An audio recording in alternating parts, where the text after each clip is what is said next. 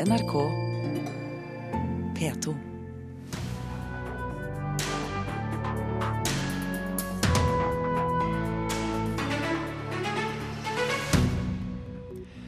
Viktige deler av graveprosjektet Panama-papirene ble planlagt på Lillehammer under den globale gravekonferansen i fjor. NRKs nye TV-serie om unge med psykiske plager har sterke seertall og skaper mange reaksjoner. Å be sårbar ungdom om å dele livet sitt på TV er risikabelt, advarer bl.a. Psykologforeningen. Og så skal du få høre hvorfor vår anmelder mener Hilde Linseth er en av landets mest spennende novelleforfattere for tiden. Det kommer vi tilbake til litt senere i sendingen. For i går kom altså meldingen om at Islands statsminister går av som følge av Panama-papirenes avsløringer. Det er en stor seier for journalistikken, det mener Knut Olav Åmås i Fritt Ord, og vi skal snart snakke med ham. Men la oss først ta en tur opp til Island og vår reporter Jan Espen Kruse. For i morgentimene i dag, Jan Espen, så ble det litt mer usikkert om han faktisk har gått av eller ikke. Ja, I løpet av natta så kom det en eh, pressemelding fra, eh, fra eh, partiet hans. og Der heter det at statsminister Gunnlaugsson ikke ikke har eh, gått av. Han har midlertidig trukket seg tilbake. Han fortsetter som leder eh, for eh, det islandske Fremskrittspartiet, som tilsvarer det norske Senterpartiet. Og, så skal altså nestlederen i partiet overta midlertidig som statsminister. Men det er jo Gunnlaugsson som har skapt dette raseriet mot seg. Og det at han da ikke klart og tydelig går av, det vil skape ytterligere kaos og styr i politikken her. Hva skriver islandske medier om dette nå i morgentimene? Nei, det er eh, for så vidt bare Morgenbladet, som det heter her, som, har, eh, som gjengir denne saken. Og, og kringkastingen gjengir det. Men, og eh, alle lurer litt på hva dette skal bety uh, i praksis. Fordi uh, man vet ikke Det er skapt en, en, en, usikkerhet rundt eh, hele politikken, den videre gangen i det. I går virket som alt var klart, og mange regnet med at det gradvis ville roe seg, selv om det var eh, betydelige demonstrasjoner i går kveld også. Ja, for det var eh, store demonstrasjoner, og det har vi jo sett. Og, og islendingene har Det er ikke første gang de har tatt til gatene, for å si det sånn. Hvilken, men hvilken rolle har mediene spilt i den eh, demonstrasjonsiveren som har vært på Island de siste dagene? Nei, Mediene har jo fulgt dette eh, veldig tett, med direktesendinger eh, hele tiden. Og, eh, og, Alt blir jo gjengitt, og det er jo den eneste store saken. Og voldsom diskusjon og debatt rundt statsministeren. Nærmest sjokkaktige reaksjoner. For få hadde forestilt seg at dette skulle være mulig. Mange føler seg lurt, sier de. bedratt av, av statsministeren, som ikke har offentliggjort disse opplysningene opplysningene om eh, store verdier i skatteparadis. Du får eh, følge med for oss videre, Jan Espen. Eh, vi skal tilbake fra Island til studio her på Marienlyst. Knut Olav Åmås, direktør i Fritt Ord, velkommen til Kulturnytt. Tusen takk. Først av alt, Hvilken rolle har Fritt Ord spilt i Panama-avsløringene? Ja, Fritt Ord har ikke spilt noen rolle i det, men vi er glad for sammen med en del fine internasjonale stiftelser å være med på og, og finansiere noe av grunnlagsarbeidet for undersøkende journalistikk. Vi, vi, vi gav en bevilgning til ICIJ, dette konsortiet. Internasjonale journalister, ja. Mm.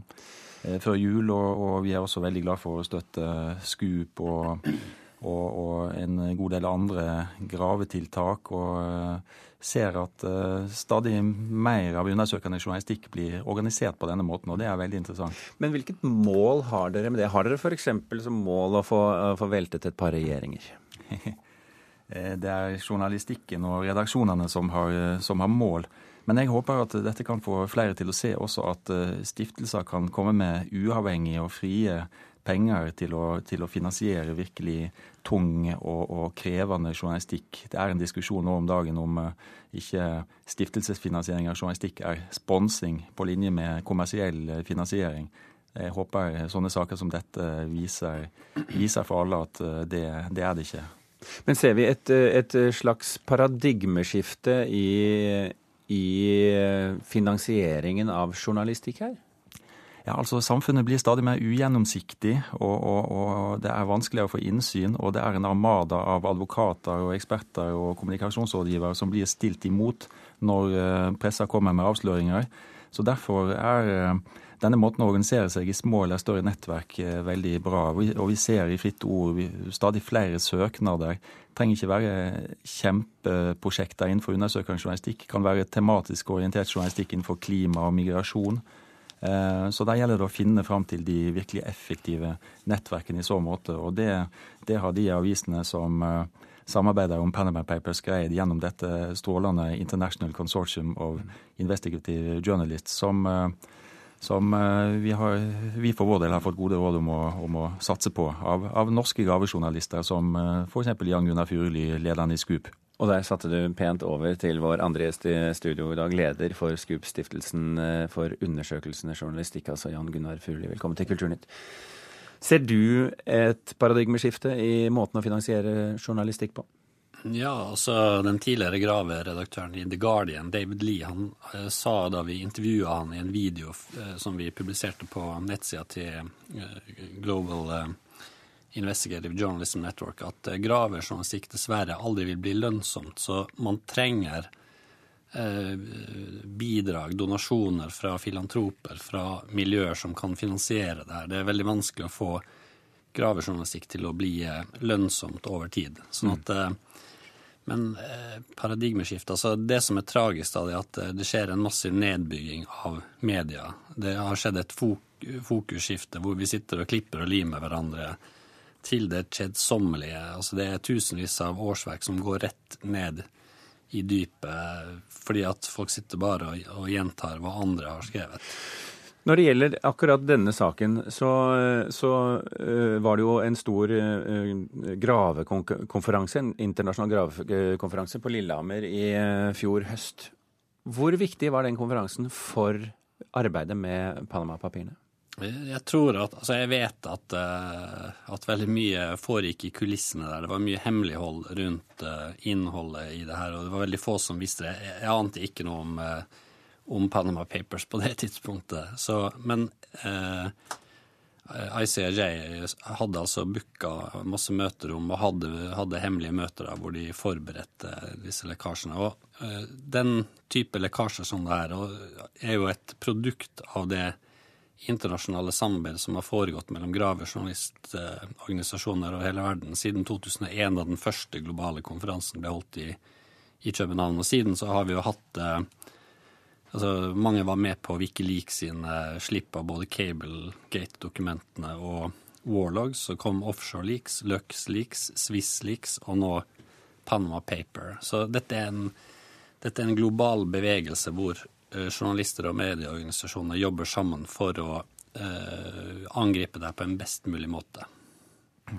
Det, jeg er også på samme måte som Furuli bekymra for de blindsonene og det som blir lagt vekk og ikke gjort noe med når eh, ressursene i så mange redaksjoner blir, blir så kraftig kutta. Så, sånn sett så er jo, er jo dette Panama Papers-prosjektet et gledens eksempel som igjen kan gi tro på at det er mulig å prioritere den tunge og samfunnsviktige journalistikken hvis man vil. Og Da må redaksjonene prioritere ned andre, andre ting.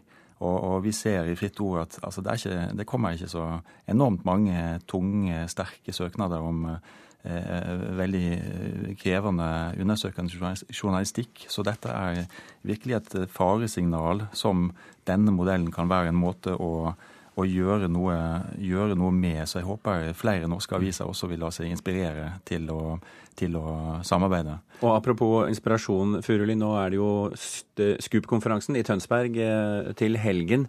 Eh, vil det komme eh, nyheter derfra om gravejournalistikk som vi hittil ikke vet? Uh, Scoop-konferansen er jo først og fremst en sånn uh, Ja, men det pleier alltid ja. å komme noe.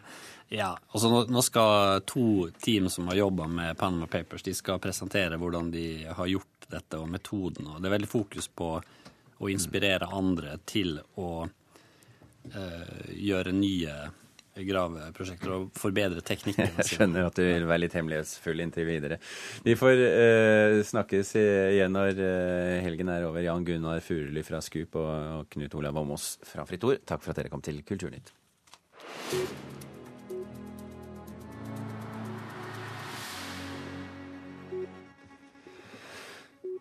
Reporter Ugo Fermarello, du har kommet til studio med nyheter eh, fra mediene, og vi begynner litt sånn ublu, gjør vi ikke det? Med en hyllest til NRK. NRK har fått en Emmy. Det dreier seg om den internasjonale barne-Emmyen som ble delt ut i Cannes i Frankrike i går kveld. Det er for serien Best i mest fra NRK Super, der ti 14-åringer på to dager skal lære en annen sport, f.eks. stuping. Så åpner du øya, nå teller jeg til tre, og så går du. Én, to, tre. Det er bra.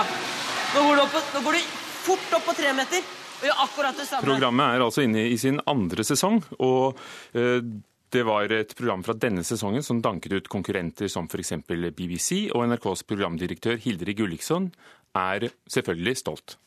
Det er noe helt spesielt å jobbe sånn jevnt og trutt og i det stille med en sånn serie, og så plutselig få hele verdens oppmerksomhet. Eh, og det lyser på seg. Og det er jo det er skikkelig artig, og vi er stolte alle sammen i Super. For det er så mange i vår, i vår virksomhet som har hatt en liten finger inni dette prosjektet, så det er skikkelig gøy for hele Super. Fuglesang, det var et helt orkester. Og Bamse gikk og hilste pent på alle sine gjester. Dette gikk jo riktig bra. Tusen takk skal alle ha. Og det har gått virkelig bra, for det dreier seg om Torbjørn Egner og rettighetene til verket hans, for det er fremdeles god butikk. De siste tre årene var inntektene på 15 millioner kroner for arvingene, som har rettighetene til fortellinger som Karius og Baktus, Hakkebakkeskogen og Kardemomme by. Det er Dagens Næringsliv som er gode med tall og har regnet på dette. Egner selv døde jo i 1990, men det er Egners fire barn som eier Torbjørn Egner AS. Og nå åpner Dyreparken i Kristiansand sin egen Hakkebakkeskog, og det vi hørte fra, det er musikken som Katzenjammer har arrangert til den nye filmen 'Hakkebakkeskogen', som kommer i desember, og som er en animasjonsfilm fra Kvisten Animasjon. Og så nyheter fra USA. Den første handler selvfølgelig om Norge. I was dancing in the rain, felt alive and I can't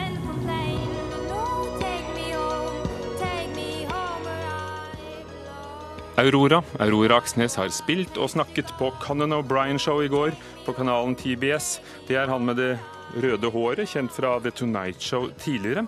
Aurora skriver på Facebook og andre sosiale medier at hun gjorde det fin, syns hun, men mens hun danset rundt, så mistet hun den lille elektroniske øreproppen, og det var hun lei seg for, men hun unngikk å tråkke på den, og hun spilte bra likevel. Og så én ting til. Det er kommet et program for smarttelefoner. VG har vært på tur i San Francisco og funnet denne appen. Den virker som Tinder eller eh, Grinder, sånne datingapplikasjoner. Men meningen er ikke at du skal ligge med dem du treffer. Man skal bli venner. Ja. Det er nyheten. Det går fremover her i verden. Ugo Fermiello eh, orienterte om nyhetene fra fjern og nær. Oppunder en halv million seere så første episode av Jeg mot meg, NRKs nye TV-serie om unge med psykiske plager. Skaperne av serien er svært fornøyd med tallene, men å be sårbar ungdom dele hele livet sitt på TV, det er en risikabel øvelse, advarer seniorrådgiver Anders Skuterud i Psykologforeningen. Man skal tenke seg godt om før man blir med i sånne programmer. Og i lang tid kan en motta reaksjoner fra andre. Og det kan bidra til at en får med seg mer plager etterpå. Nå skal jeg gi fra meg denne filmen, og så skal noen se på det og klippe det sammen. Jeg har ikke peiling på hva som blir brukt. Jeg har sett jeg kursen mot Oslo og første gruppemøte. Så mange som 200 000 unge har psykiske plager i Norge. Og på mandag denne uken fikk de sin egen TV-serie 'Jeg mot meg'. Det er ingen andre som veit at jeg har det sånn her. Responsen fra publikum har vært svært stor. Vi hadde 455 000, som jo er veldig mye for et smalt program. Sier Gitte Karl Meyer, som er prosjektredaktør for serien i NRK. Vi ble litt målløse. Vi, vi, vi, vi begynte å gape litt, for det hadde vi faktisk ikke trodd. I Jeg mot meg følger vi åtte ungdommer med psykiske lidelser. De har fått beskjed om å filme seg selv hele tiden, både når det går bra, og når livet nesten ikke er til å holde ut. Nei, jeg har liksom mista mye livsglede, da. Sånn, mm. Og da liksom er det ikke så, det er ikke så mye vits å leve likevel. Det første som slo meg, det var endelig eh, et reality-program altså, som gir mening. Og det at eh, mange ser på, det bidrar jo til mer åpenhet og mer kunnskap om psykisk helse. Det er de beste midlene vi har mot stigmatisering. Sier generalsekretær i Rådet for psykisk helse, Tove Gundersen. Men å be sårbar ungdom utlevere livet sitt på TV kan være et sjansespill. Det advarer seniorrådgiver i Psykologiforeningen, Anders Skuterud. At produsenten kan sikre seg i forhold til at alle deltakerne unngår problemer etterpå, det er nok umulig. Og Derfor er det viktig at produsent har muligheter for oppfølging hvis det er ønskelig, og over i lang tid. Det vil selvsagt alltid være en liten risiko der. Det innrømmer produsent Elisabeth Stabel, som laget serien for NRK. Men det er mulig å eliminere mesteparten av den risikoen ved å gjøre et veldig grundig forarbeid. Ved å intervjue nøye de du skal snakke med, og ta inn fagpersoner for å vurdere. Og det har vi absolutt gjort. Det var Monica Ricoll og Petter Sommer som hadde laget denne saken. Klokken er snart 19 minutter over åtte. Du hører på Kulturnytt, og dette er toppsakene i Nyhetsmorgen nå. Den norsk-franske korrupsjonsjegeren og politikeren Eva Jolie mener Økokrim må etterforske banken DNB etter avsløringene om postkasseselskaper i skatteparadis. Akademisk snobberi er det ikke mulig å ta at det ikke er mulig å ta studiepoeng på yrkesfag, mener Høyre-politiker Kent Gudmundsen. Han vil gjøre det mulig å ta bachelor på høyere yrkesfaglig utdanning. Og der tåker vi flere flyplasser i Sør-Norge. Det kan føre til forsinkelser ved Oslo lufthavn, Kjevik ved Kristiansand Torp flyplass i Sandefjord og Moss lufthavn Rygge. En eh, blakk og fallert eh, og forfyllet forfatter flytter inn på Grand Hotell for å skrive sin siste bok, men ønsket om ro og fred torpederes ettertrykkelig av en tiåring med Tourettes og behov for vennskap. Er ikke du for gammel til å herme, egentlig? Er ikke du for gammel til å herme, egentlig? Ok. Ok. Hva handler det første kapittelet om, da? Jo, nå skal du høre. Det handler om en flott forfatter som kverker en guttunge på hotellrommet sitt fordi den ikke klarer å holde kjeft. Velkommen til eh, Kulturnytt, Atle Antonsen og Arild Frølich, regissør. Takk for det. Takk. Atle Antonsen, du spiller denne noe grumpy, forfyllede forfatteren men blir altså utfordret av en, eh, en blid og plaget eh, guttunge.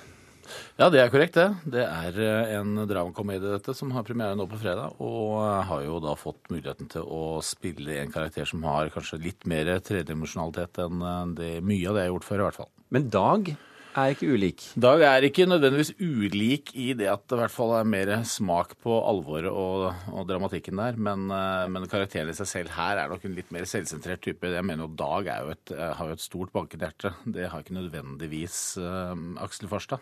Det er bare veldig mye utenpå det bankende hjertet i så fall. Det er det. Han sliter jo med sine demoner, han også. Men han har jo absolutt mest fokus på seg selv og sitt eget velvære. Dette er jo en rolle du er nødt til å er, du, du, demper jo og holder igjen litt, men du skal likevel kommunisere med en, tiåring som ikke nødvendigvis eh, er veldig erfaren skuespiller, for å si det sånn. Han er vel eh, første, hans første film? Ja, det er jo hans første erfaring med noe som har med teater og film å gjøre overhodet. Men, men, hvordan var det for deg som eh, For du, du, følte du at du måtte ta litt hensyn også? Eh, I prinsippet så gjorde jeg ikke det fordi han viste seg å være et naturtalent. Og det er jo en gave når du får en sånn opp i hendene, og det er jo ikke gjort i en håndvending. Det var jo en lang auditionrunde her med flere hundre involverte før eh, Ja, jeg var jo bare med i sluttprosessen av den. Men da blinka han seg ut som en favoritt, for han hadde noe unikt. Arild Frølich, hva var det han hadde? Han hadde et, eh, som seg selv, Håkon Gomes Bøhmer som han heter. Han er en veldig mm, energirik og smart og fin liten fyr. Eh, og så tok han veldig kjapt det at han skulle spille en annen rolle, men bruke mye av seg selv. Eh, pluss at han, har en, eh, han er bare en topp fyr og veldig moden til å være Han var ni år da vi begynte å jobbe sammen. Så veldig moden for alderen. Det, det er en fin scene i filmen hvor eh, forfatter Aksel skal forklare hva en av novellene handler om. Ja. Og det er, har jo visse paralleller til deres forhold, viser det seg. Hva vil du si at denne filmen handler om? Det handler om eh, to ensomme mennesker som eh, finner hverandre på et litt uh, merkelig vis og blir venner. Og, altså, jeg, ikke, jeg, liker ikke å liksom, dytte på hva en film skal være for noe for folk, men men det, ja, det har jo et rigg, da. ikke sant? Det er jo... Ja, ja, men det er veldig sånn, premisset er greit. Det, er to, det, er to, mennesker som flykter fra problemene sine inn på dette hotellet, og så ved å møte hverandre så blir kanskje livet litt bedre. Hva slags forhold har du til oppvekst på hotell? Ja, ja, Det var det som var litt interessant da jeg fikk ideen i fanget for en tid tilbake. At jeg følte at jøss, veit jeg at jeg kommer fra Gol og har vokst opp på et hotell. Jeg har da tilbrakt veldig mye av livet mitt på Pers hotell i Hallingdal, hvor mor mi jobba i resepsjonen. Og, nei, i resepsjonen gjorde hun ikke, det gjør hun i filmen, men uh, mora mi jobba på, i, på, i, spisesalen. Livet og kunsten sklir litt over i hverandre her, eller? nei da, men, uh, men, jeg har liksom Det var ikke noe SFO på 80-tallet, så jeg, jeg, jeg, var veldig mye på hotellet. Jeg spiste buffé til middag. og hang rundt der og ble godt kjent med det miljøet. Hatt alle mulige jobber på hotellet selv også, opp gjennom uh, livet. Så, hva, hva, har det gitt deg til denne filmen? Jeg, kjenner jo miljøet godt. og jeg hadde lyst til å, sånn Når vi jobba med manuset som Megan Gallagher har skrevet, uh, så, så, fikk jeg jo dytta inn en del sånne småting som jeg selv kan huske fra jeg var uh, liten og hang på hotellet. Som å hoppe i sånne store bakker med um, skitne duker og sånne ting, som, som, var et privilegium for en åtteåring å holde på med. Mm. Men var du like plagsom som uh, denne gutten er? Jeg var sikkert litt plagsom. Uh, det var jeg nok. Uh, men det er veldig gøy å henge med voksne, morsomme mennesker. Det, og det gjorde jeg på hotellet. fordi jeg kunne jo ikke Mora mi måtte jobbe, men det var alltid noen på kjøkkenet som hadde tid til en prat. og så så jeg gikk rundt og hang mye med de voksne som jobba på hotellet, og var sikkert litt plagsom. Hvor, hvor, lenge brukte dere på innspillingen på hotellet, Atle? Ne, Vi brukte vel vi er, altså 70-80% av filmen foregår jo på Grand Hotell. Og eh, vi var jo vel der i seks uker omtrent, da. Og det var jo åpent mens vi spilte inn, og det var jo en litt sånn fascinerende opplevelse. For vi måtte jo stå i resepsjonsområdet mens hele verden bare tøyt eh, inn og ut. Så det var jo for vår del litt forstyrrende, men det var jo ikke minst for de som jobba der også ganske forstyrrende. Så noen dager der så var det jo mange som måtte smøre seg med litt tålmodighet. Men, så det var litt fascinerende. Hva, hva, føler du at du har lært av eh, denne historien, altså fortellingen som du er en del av i denne filmen? Altså, Jeg har vel ikke lært noe forhåpentligvis helt nytt om livet i seg selv av denne historien. Jeg håper jo at jeg har noe av den ballasten fra tidligere, men jeg har jo i hvert fall som skuespiller lært veldig mye, fordi jeg får lov å nyansere meg selv på en helt annen måte og får lov å bygge ut repertoaret en del eh, sammen med Arild, som er en fyr jeg stoler på. Jobba med han i fire filmproduksjoner tidligere og begynte sammen i Utover hage i sin tid, så vi har jo lang fartstid. og da, Det er en forutsetning og veldig positivt for meg i hvert fall når jeg skal eh, bedrive noe som er litt ukjent farvann. Var det gøy å spille sur? Ja, altså de aller fleste skuespillere syns jo at det er veldig hyggelig å kunne få lov å ta ut en sånn side eh, når, man, når, man, gjør en karakter. Og jeg er ikke noe unntak der, altså. Nei. Atle Antonsen og Arild Frølich, dette er altså filmen 'Grand Hotell' som har premiere denne uken eh, på fredag, nærmere bestemt. Tusen hjertelig takk for at dere kom til Kulturnytt. Takk. takk.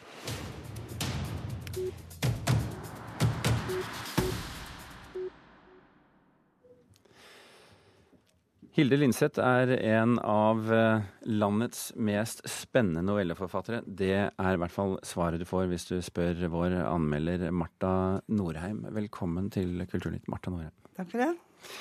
Eh, hvem er eh, Hilde Linseth?